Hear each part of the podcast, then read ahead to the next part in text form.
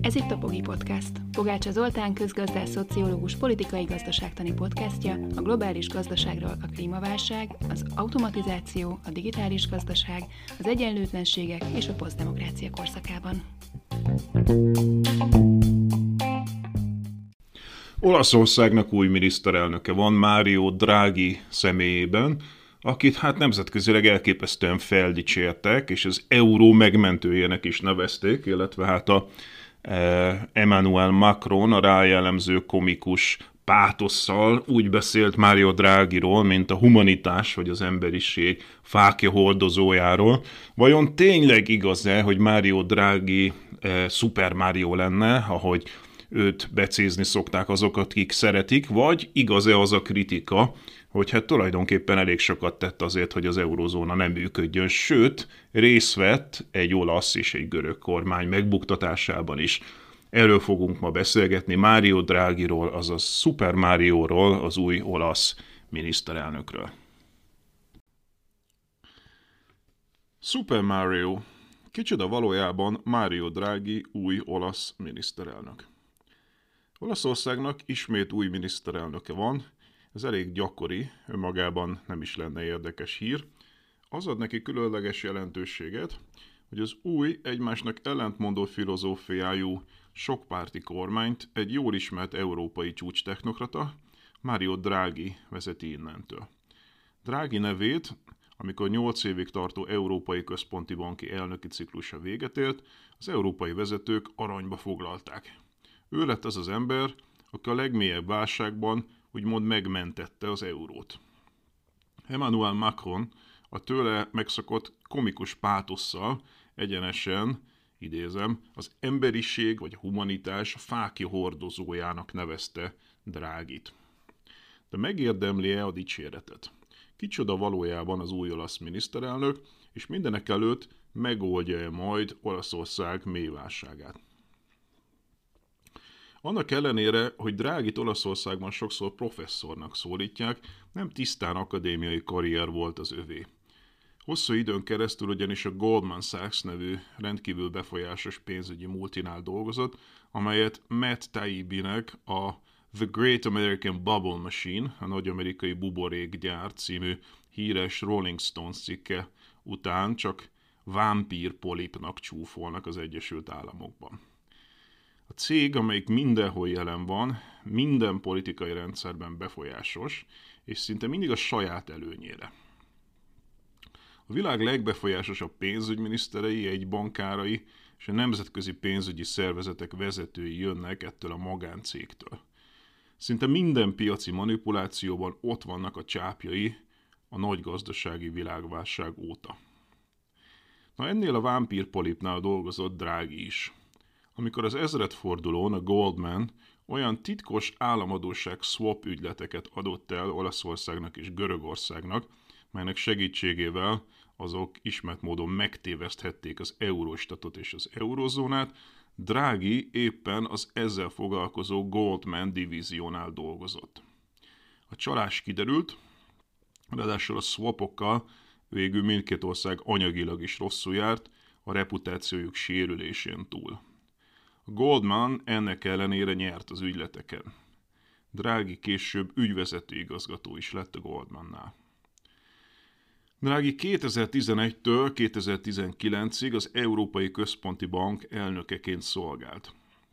Hivatalba lépésekor mínusz egyedik akciója Silvio Berlusconi olasz miniszterelnök megbuktatása volt.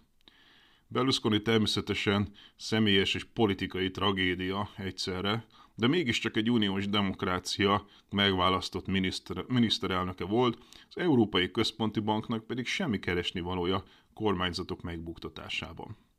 Az Európai Bank búcsúzó és új elnökei, Jean-Claude Trichet és Mario Draghi egy titkos levelet juttattak el az olasz kormányhoz.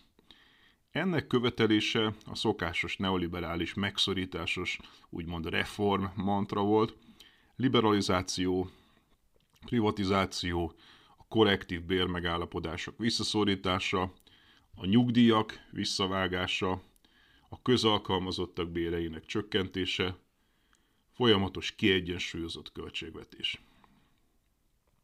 Az EKB monetáris jogosítványai nem terjednek ki ezekre a kérdésekre, nem véletlen, hogy a levelet titkosnak szánták. Az azonban nyilvánosságra került. Ahogy az akkori olasz gazdasági miniszter viccelődött, abban az évben két fenyegető levelet kaptak, egyet egy terrorista szervezettől, a másikat az Európai Központi Banktól. A második volt a veszélyesebb. Az Európai Központi Bank leállította az olasz állampapírok vásárlását, azok kamatai az egekbe szöktek, Berlusconi pedig kénytelen volt lemondani. A helyére a Drágihoz hasonlóan technokrata, illetve szintén Goldman Sachs-os Mario Monti került. Az LKB effektíve szerepet vállalt egy demokratikusan megválasztott kormány megbuktatásában, hogy ezt később maga Monti is bevallotta. Olaszországnak egyébként olyannyira rosszul jött ki az eurótagság, hogy az ország egyfőre jutó GDP-je 2016-ra a megszorítások következtében alacsonyabb szinten volt, mint az euró bevezetése előtt a 90-es években. Egy komplet generáció vált az euró áldozatává. Még mielőtt ezt a rossz kormányzásra, a kutyaütő olasz politikusokra, a korrupcióra, a maffiára vagy hasonló sajátos nemzetkarakterológiai jegyekre fognánk, érdemes végig gondolni, hogy ezek mind léteztek az euró előtt is. Olaszország azonban a második világháború után hosszú évtizedeken keresztül kimagasló fejlődést ért el, mindezek ellenére egészen az euróválságig. Hasonlóan negatív szerepet vitt Drági 2015-ben a szintén demokratikusan megválasztott görög Syriza kormány esetében is.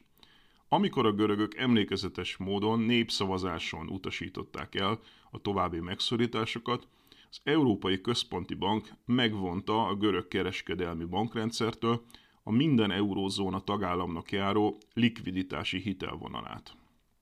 A nemzetközi sajtót és a közvéleményt sokkolta a lépés. Az eurózóna ismert és elismert, pártatlan akadémiai szakértői foglaltak állást amellett, hogy az Európai Központi Bank politikai gyomásgyakorlást fejtett ki egy tagállamra. Ezek valóban olyan állásfoglalások, amelyek gyökeresen megváltoztatják a kérdés megítélését is, hiszen Yanis Varoufakis, görög pénzügyminiszter többször is kifejtette azon véleményét, hogy az Eurogroup pénzügyminisztereinek ez a valódi célja. Nyilvánvalóan óriási holderejű kérdés, ha Európa vezető akadémiai szaktekintélyei ebben igazat adnak neki. Nézzük meg részletesebben ezeket az állásfoglalásokat. Az első Charles Viplos, a Genfben székelő International Center for Money and Banking Studies igazgatója, a Center for European Policy Research kutatója, dolgozott a Harvardon, tanácsadója az IMF-nek, a Világbanknak, az Európai Bizottságnak, a francia becsületrend tulajdonosa. Nehezen lehetne azzal vádolni, hogy Cipras hívő fanatikus lett volna. Aki ismeri az eurozóna közgazdaságtudományi kutatását, az tudja, hogy könyvei és tanulmányai meghatározóak ezen a területen, a világegyetemein használják őket. Most milyen állásfoglalást tett Viplos? Azt állítja, hogy 2015 májusában az, IM, az IMF, mivel tudta pontosan, hogy a görög adósságállomány nem fenntartható, kitalált egy új jogcímet, amin új hiteleket erőltethet az országra. Az ország rendszer szintű kockázatot jelent a világgazdaságra. Viplos nem akarja eldönteni, hogy ez az álláspont megalapozott volt-e, azonban leszögezi, az eurózóna önvédelme érdekében Görögországot feláldozták. A görög kormányokra akaratuk ellenére ráerőszakolták azt a hatalmas adóssághegyet, ami 2010 után a megszorítások időszakában 108% per GDP-ről 177% per GDP-re emelte a görög adósságállományt, egyben kezelhetetlenné téve azt. Viplos azonban még ennél is tovább megy. Az egész trojka konstrukciót abszurdnak és árulkodónak tartja. Egy hagyományos IMF hitelnyújtási tárgyaláson ugyanis a hitelt felvevő állam jegybankja egy oldalon ül a kormányával. Görög esetben azonban az LKB a hitelezők oldalán foglalt helyet, mintha, ez, mintha az euró Görögországban külföldi valuta lenne. Az LKB részt vett a megszorító politika kikényszerítésében és számonkérésében, azaz olyan funkciókat látott el, amelyet meg nem választott jegybank sehol a világon nem végezhet demokratikusan megválasztott kormányjal szemben. A gyenge minőségű szakpolitika pedig mély recesszióhoz vezetett, azaz az EKB-nak osztoznia kell a felelősségben a görög válság súlyosbításában. De Viplos még ennél is tovább megy. Szerinte a likviditási hitelvonal elzárásával, azaz a bankbezárások kikényszerítésével az Európai Központi Bank a politikai beavatkozás minden eddigénél durvább formáját választotta, gyakorlatilag kilökni igyekezett egy tagállamot az eurózónából. Görögország Viplos szerint nem az egyetlen áldozat. Szétesett az eurózóna kormányzása, és drámaian megrendült az Európai Unióba vetett hit. A második Paul de Grove, a London School of Economics professzora, az IMF és az Európai Központi Bank volt munkatársa, a College of Europe és számtalan neves egyetem professzora. Ismét csak nem egy motorbiciklin száguldozó forrófejű marxistáról van szó, de Grove szülőhazájában, Belgiumban liberális párt színeiben futott be kisebb politikai karriert. Gyakorlatilag az eurozóna kutatásának első számú nemzetközi szakértőjéről beszélünk. Mit állít Paul de Grove? Nem kevesebbet, mint hogy a 2010-ben a további megszorítás egész biztosan nem volt a megfelelő válasz a görög válságra, B. Az Európai Központi Bank kárt okozott azzal, hogy a januárban meghirdetett kötvényvásárlási programját nem terjesztette ki Görögországra, egyedülként az eurózónában. Ha megtette volna, a görög állam olcsó forrásokhoz jutott volna. Illetve C. Az Európai Központi Bank szintén kárt okozott azzal, hogy nem fogadta el a görög bankok által birtokolt görög állampapírokat likviditási fejezet, fedezetként. Gyakorlatilag ezen hozzáállása miatt kellett bezárni a görög bankokat, ezért nem jutottak hozzá a görög polgárok a saját megtakarításaikhoz, és félő volt, hogy a benragadt pénzük jelentős részét elvesztik majd. Mindezt összefoglalva, az Európai Központi Bank igenis jelentős károkat okozott Görögországnak, gyakorlatilag csődbe vitte azt, és egyben veszélyeztette az eurózóna jövőjét is. A harmadik Barry Eichengreen, a University of California Berkeley professzora, a globális monetáris rendszer abszolút vezető autoritása. Szinte mindenki ismeri a nevét, ismét csak, egy világ, ismét csak világszerte tanítanak a könyveiből, nem éppen a Syriza Pireuszi pártitkáráról beszélünk. Mit állít Eichengreen, aki egyébként az eredeti angol nyelvű cikkében amúgy kifejezetten kritikus a Syriza népszavazási ötletével kapcsolatban. Idézet. A görög vezetés inkompetenciája elhalványul az Európai Bizottsághoz, az LKB-hoz és az IMF-hez képest. Elutasították az adósság részleges leírását 2010-ben, amikor az még kezelhető lett volna, illetve 2015 elején is. Ehelyett a kiadások csökkentését és az adók emelését erőltették a görög kormányra, amivel egyre mélyülő recesszióra kárhoztatták ezt az országot. Idézet vége. Meglehetősen kemény és egyértelmű szavak a világ egyik vezető monetáris közgazdászától. Nem igazán azt igazolja, hogy Drági megmentette az eurót. Sokkal inkább arról van szó, hogy a Drági által vezetett EKB úgy vett részt a megszorításokat kierőltető úgynevezett trojkában, az Európai Bizottsággal és az IMF-fel, hogy az első két szervezet mandátuma egyáltalán nem arra szólt, amit képviseltek. Ellenkezőleg nekik az Unió közösen elfogadott úgynevezett Lisszaboni, vagy később Európa 2020 stratégiáját kellett volna képviselniük, amely a megszorításokkal szöges ellentétben a humántőkébe való beruházást sürgette. Külön érdekesség, hogy ahogy azt Varoufakis görög pénzügyminiszter Felnőttek a szobában című könyvében kitűnően dokumentálja, az Európai Bizottság és az Európai Központi Bank helyett Valójában a pénzügyminiszterek informális adhok tanácsa döntött, menekülései titkosak voltak, feljegyzéseket nem készítettek, elszámoltathatóságuk pedig nulla volt. Ahogy ezt Adam Tooze gazdaságtörténész Nagy Összeomlás című bestsellerjében összefoglalta, az eurózónát nem megmentették, hanem félrekezelték, a válságot tovább mélyítették.